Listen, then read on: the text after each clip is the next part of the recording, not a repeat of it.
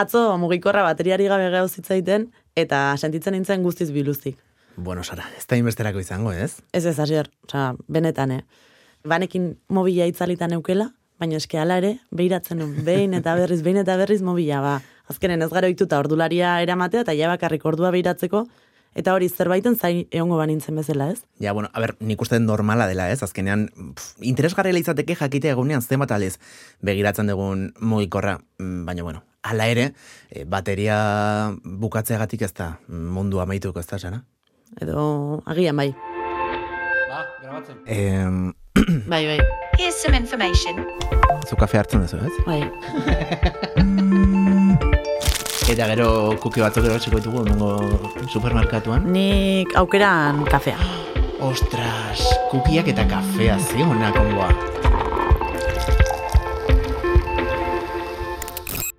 Bueno, Sara, gaur nahiko apokaliptiko xamar jarriko gera, e, gure kuki eta kafean, eta gainera, bueno, kuriosoa da, ez? Eh, nola iritsi ginen gai hau aukeratzera, gaurko podcasterako. Bai, gai hau aukeratzean arrazoi nagusia izan zen pelikula film apokaliptiboko bat ikusi zana ez? Aurrekon komentan nizuna Leave the Wall Behind filma batez ere. Netflixen, ez? Aurkeztu dute 2008 laugarren urtean. Bai, justo gaina uste dut urtarriak lauen izan zala estrenoa, eta, bueno, nik egunen bertan ikusi nun, eta zer pentsa eman ziten. Hombre, ez dakit urte hasteko pelikularik onena den, eh? Ba, hola, thriller psikologiko bat, azkenen hori teknologia gehatzen da, eta gehatzen da, bueno, batez ere protagonista famili bat dana, ez? Famili hori hori gehatzen da, ez dakila zerrin, eta ba, hori ikusten da benetan, ze garrantzitsua dan teknologia gune egunerokon, baina gauza simpletako bai. Claro, eta hori desagertzen den momentuan, ez? E, nola datorren dena, bera, Bai, bai, bai, gure bai, sistema eske- guztia, Gizakia galduta sentitzen da momentu hortan. Ez daki ez da kotxe hartu eta ez bada zure etxe ondoko errepide bat, ba igual ez dakizu iristen. bai, e, gainera, osea, kasualitatez, e, zuk aipatu zanean film honen inguruko, bueno, ba, e, gai hau, ni justu oso engantzatuta nengoen eta, bueno, jarraitzen dut ez dutelako bukatu, El Gran Apagón, podium podcasten, bueno, ba, soinu fikziora, ez dakit ezagutzen duzu, baina e, egia esan, bueno, gai bera dauka, eta e, lehen urtean gainera Movistar Plusek e, ikusentzunezko bilakatu zuen soinu fikzio eta eta egia esan geroz eta ugariagoak dira, ez? E, E, bai, gai hau bai da fikziora eramaten etengabe eta azkenen fikzioa eramaten dien gauzak askotan gero gertatzen die, ez? Beitu Love Simpsonek zenbat adibide eman dizkigun. Eske Sara, mm, zer gertatuko litzateke teknologiak utxe egingo balo? Gaur gaurkoz, gure inguruan ez da internetik gabeko bizitzarik existitzen eta ondorengo datu hauek dira horren adibide. Orduro konektatua eta erabilgarri egoteak ondorio larriak ekarri ditzake. Hala nola, antxietatea, estresa eta depresioa. Ondorioz, desintoxikazio tailerrak eta tratamenduak sortzen hasi dira. Horrelako arazoak saiesteko. Teknologiak komunikazioa errazten asko lagundu duen arren, gehiagikeriak ez dira onak. Gure egunerokotasunean duen presentzia neurtzea eta eman behar zaion erabilera zehaztea ezinbestekoa da. Kaspersky Dailyak egindako ikerketa baten arabera, Espainia mailan biztanleriaren ia irurogeita marrak teknologiarekiko mendekotasuna duela onartzen du. Izan ere, euneko berrogeita seiak kontsumoa jeitsi behar duela pentsatzen du, eta horietatik amarritik bat terapiara joan da. Merkatu eta Leiaren Batzorde Nazionalak argitaratutako datuek dioten modura, Espainian 2023ko lehen hiruhilekoan merkataritza elektronikoa 19.000 milioi eurotik gorakoa izan zen. Netflix, Amazon Prime eta Disney Plus bezalako enpresek eunda irurogei milioi arpidedun baino gehiago dituzte mundu osoan zehar.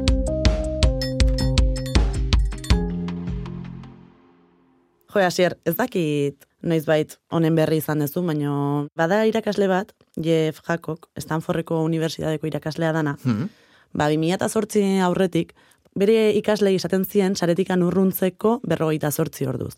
Vale. Eta hori, ba, 2008 arte, ba, Urtero egiten zuen ariketa bat zen, urtero, ez? bai, urtero proposatzen zien ikaslei, eta bueno, ikasle egiten zuten, eta hortikan, ba, pentsatzen dut ondori batzuk aterako zituztela. Mhm. Baina iritsi zen 2000 behatzin orduko ikaslena, Mhm. eta berriz ere proposauzien ariketa eta erronka berdina. Vale. Eta kasu hontan ikasleen erantzuna ariketa hori ezinezkoa eta injustua zala, izan zen. Beraz, e, rebelatu egin ziren nola bait, e, altxa Bai. egin ziren Bai, ikasiak bai, eta eta esan zuten... 2000 eta behatzia zaiga, osea, ez garela gaur egun itzeiten. Uf, eta ja, hogeita lauean sartu berri gara, zer gertatuko litzateke gaur egunea. Bai, zuk ustezu erronka hori betetzeko gai izango zinela? E, berrogeita zortzi ordukoa? Nik- Ikasle bezala, eh? Ez Ah, ikasle bezala, claro. E, ikasle bezala nik uste dut baietz. Bai. bai, borondaterekin, bai, egia da gauza askotan, adibidez, autobusa hartzeko, ordutegia begiratzeko eta horrelako gauzetarako ere... Eske ez da Bai. hori bakarrik, eh? Gauza asko dira. Bai, bai, bai, bai, bai. Nik uste WhatsAppa erreskenduko Bai, nukela, eta baina... ikasle bezala aste guztia kanpon pasatzen dezunen eta gurasoi Ostras, bi egia da. egun erantzun gabe eute mazea zer. Ja, bai, bai, bai. Ez zenun hortan ere pentsauko eta esango zenun, ostras, nire ama larritu imar da bi egunetan. Osa, ni Bilbon ikasten neola, e, iten nitu lenteja batzuk eta aita jargazkia. Aita behitu zezuk alda duten gaur, eta ez amakarrik kaixo zen, zan pixkan nire egunerokoa kontatzen niola, ez? Batez ere igual hasieran, gero eraia ba gehiago. Egia da, nik uste dut eh, erresago aldenduko ginatekela, teknologiatik eta sareetatik, eguneroko bizitza albo batera utziko bagenu. Hau da, ez dakit, mendipuntara jun eta hor erretiro Bai, moduko bat egingo bagenu. Baina hori trampa da. Ja, baina gure eguneroko bizitzan, ostras, orain bertan naiz ni oso gai ikusten, eh? Adibidez, tableta, kenduko nuke. Erloju adimentsua ere, bai. Ez ez, baina hemen importantena da mugikorra nere ustez. Ba, mobila, bueno, uf, ez, kostata, kostata.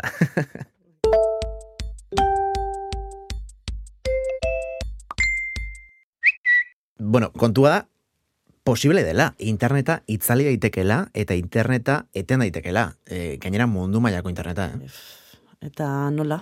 Osea, zein, zein arrazoiengatik. Ba, eh, hainbat eh, modu daude horretarako. Bata, el gran apagonen soinu fikzio hortan gertatzen den moduan, lur planeta ilunbetan geratzea, eguzki ekaitz baten ondorioz, e, kasu horretan energiarik eh, ez genuke nez izango, dena pikutara jongo litzateke. Olako Bai, egoera bate, osea, Bai, fenomeno, natural batek bai. eragin dezake, apagoi hau.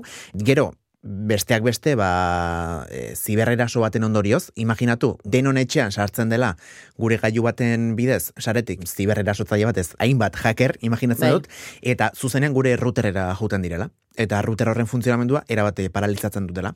Orduan guk ez genuke e, inundik inora pasarerako sarbidea izango. Beste modu bat, eta hau nik askotan irakurri dut, sarean batez ere konspiranoikoen artean, ez dakit badakizun, ozeano azpitik kontinenteen arteko konexio hori Bai, albidetzen duen zeuze noiz bait irakurri kableak eta kableak daude hor urrazpian, eta Rusiako eta Ukrainiako gerra hasi zenean, esaten zuten, posible zela Rusiako armadak zituen submarino guzti hoiekin, etetea, erabat Eta- mundu mailako sarea. Bai, bai, eta horrek eragingo zon adibidez Europa guztira. Horrek eragingo zuen, Europa guztira, hasiera eta batez ere, ba hori, ozeanoren beste alden dauden herrialdekiko ezingo genukela ba kontakturik Bai, bai, izan. osea, konexioa moztu ingo zan, eh? Bai, egia da, norbait egongo da hor entzuleren bat ikismikis jarriko dena, esango du, e, baina orain Starlink, Elon Musken enpresa, eta horrelakoak ari dira. E, Ostras, behin ikusi nun Starlink. ikusi zenun, e, nik, Gau- nik ez dut aukerarik izan. Ez, ba, behin zumaian geren, eta de repente, hola, zerura beira. Eta behiratzen nun, eta, ostras, zenbat izar jarraian. Eta izar horiek moitu iten die da, zer da horita? Internetin behiro berri zanun. Eta nintzen bakarra izan, eh? Eske Nire- beldurgarria, beldurgarria zan. neon egun hortan, eta elorriotikan lagun batek ere ikusi zon. Apa, Sara Lantz naiz eta hau entzuten ari bazara seinale norbait gomendatu dizula Kuki eta Kafea podcasta. Edo hori, edo hor nonbait aurkitu duzu. Tira, bestaldean zaudela eskertzeaz gainera, gogoratuko dizut dena delako audioplatforman arpidetu botoitxoa izango duzula. Hor sakatu eta hurrengo atalen berri izateko aukera izango duzu zure aplikazioan. Gainera, gustatzen bazaizu lagundu zabaltzen lau aizetara. Asierrek eta biok eskertuko dizugu eta. Orain, segi dezagun gaurko saioarekin. Beste gauza bat, bueno, niri enekiena eta buruak iaia ez da egin dit, hau irakurri dudanean, gobernu askok batez ere diktaduratik eta nahiko gertu dauden oso eskuineko gobernu batzuk ba omen dute, beraien herrialdean dagoen interneta piztu eta itzaltzeko batresna bat, botoitxo bat. pelikulatan ikusten da Bai, bezala, eh, hori, eh, Bai. misil bat bi- bidaltzeko Tal botoi cual, horietakoa. botoi gorritxo hori. Bai, bai. Ber, berri zingo diote referentzia, jo, nik uste Los Simpsoneko irudia tortze zaitela, hola, botoiana, eh? Ba, imaginatu, eh, Pedro Sánchezek orain Espainia restatuko, hori, internet guztia kontrolatu dezakela Bai, mon Moncloatik. osea, erabaki daikela beak, ez ze momentutan Hori da, eta eten den on, dena, on, eta ze momentutan off, ez? hori da. Eta imaginatu gaua dela, eta geratzen gara ala Netflix ikusi izan gabe. No, eta Haze drama. Netflix, eta bueno, ni pentsatze gauza gehiago, ez? E, zara, brometan anitzan, eh? Osa, Netflixa erortzea ez da munduko... Bai, ez dut uste hori zamarko zanik, gehien larreituko ginduna, ez? E, Bueno, eske eta- ondorio larriak izan ditzake guztionek, eh? bai, bai. Hala ere, e, nire sorpresarako, estatu batuan ola, olako egoera batek ekonomiari nola eragingo zion ikertu dute, eta egia esan, ez bada egun askotako arazoa, Mhm. lau egun izango balira, adibidez, ba ez zan ekonomia, ez zon hainbeste impactu izango ekonomian. Eta harritzeko da, nik uste nun hor gauza asko bera ingo zutela, ez?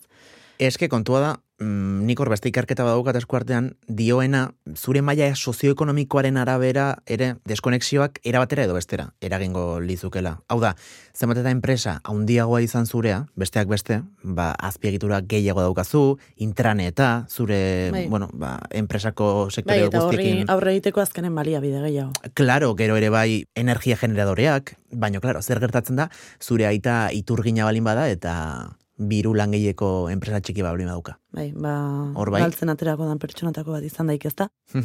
Hala ere, produktibitatea handitzeko aukera dauz, azkenen zuk distrazio gutxigo dauzkezu. bai, hori bai, TikTokik ez zenuke izango ikasten Hori da, bitartean. TikTokik, ez Instagramik, ez Netflix, ezta?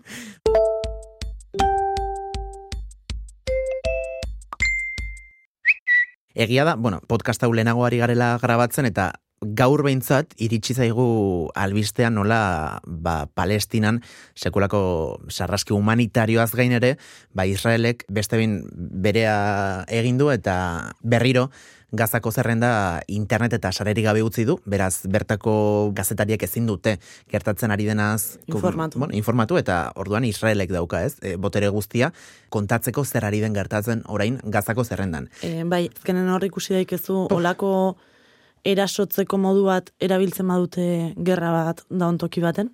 Zer eragin izan daiken benetan, ez? Esken eretzako ez daukarrena. Agian podcast hau argitaratzen denean, albiste hau ja ez du, ez da egia, edo e, gaur behintzat esnatu gera jakiten erregistro zibil guztia, gazako erregistro zibila, dokumentazioa, bueno, ba, biztanle bakoitzaren propitateak eta datu horiek biltzen dituen zerbitzariak, paperak eta guztiak suntxituak izan direla, beraz, oraintxe bertan, gazako zerrendako biztanleak, legalki ez dira existitzen, ez dute inolako propitaterik, Bai, guzti hau azkenen Dena. komunikaziotik ere aratago dijola, ez? Claro, claro. Imaginatu zure osakidetzako gaixotasunen erregistro guztia ezabatzen bai, dela. Ez, e, ez da existitzen, ez? Ba hori gertatu da Palestinan gaur. Beraz, emaitza tragikoak Netflixetik aratago ere bai. Bai, hala da. Ba, bai, ba, gauzak oso itxusi jartzen nahi die, Ba bai. Eta ematen donagatik, e, Mark Zuckerberg bunker sekretu bat eraikitzen nahi da Hawaien, orduan, ez Bueno, sekretua, sekretua.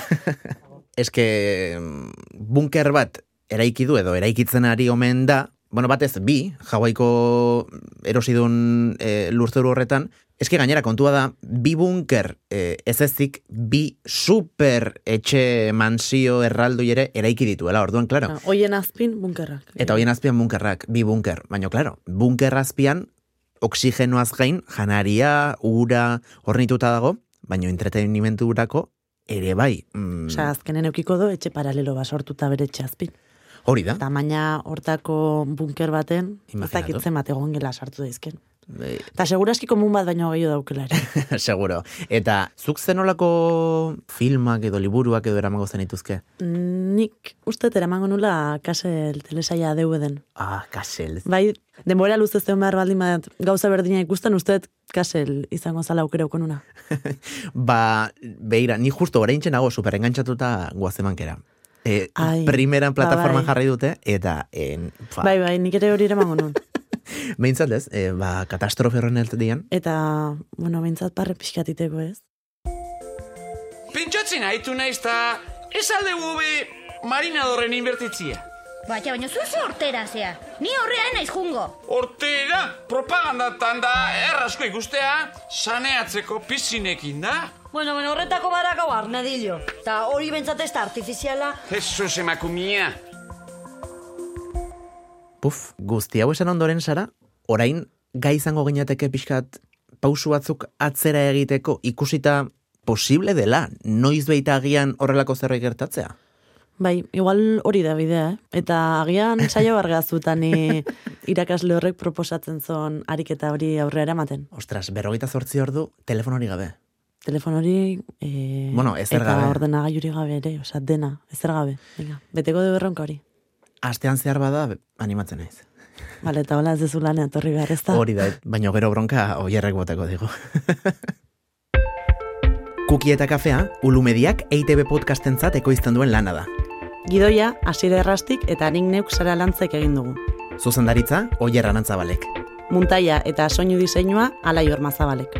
EITB podcasten eta audio plataforma denetan aurkituko duzue Kuki eta kafea. Arpidetu eta lagundu zabaltzen. Agur!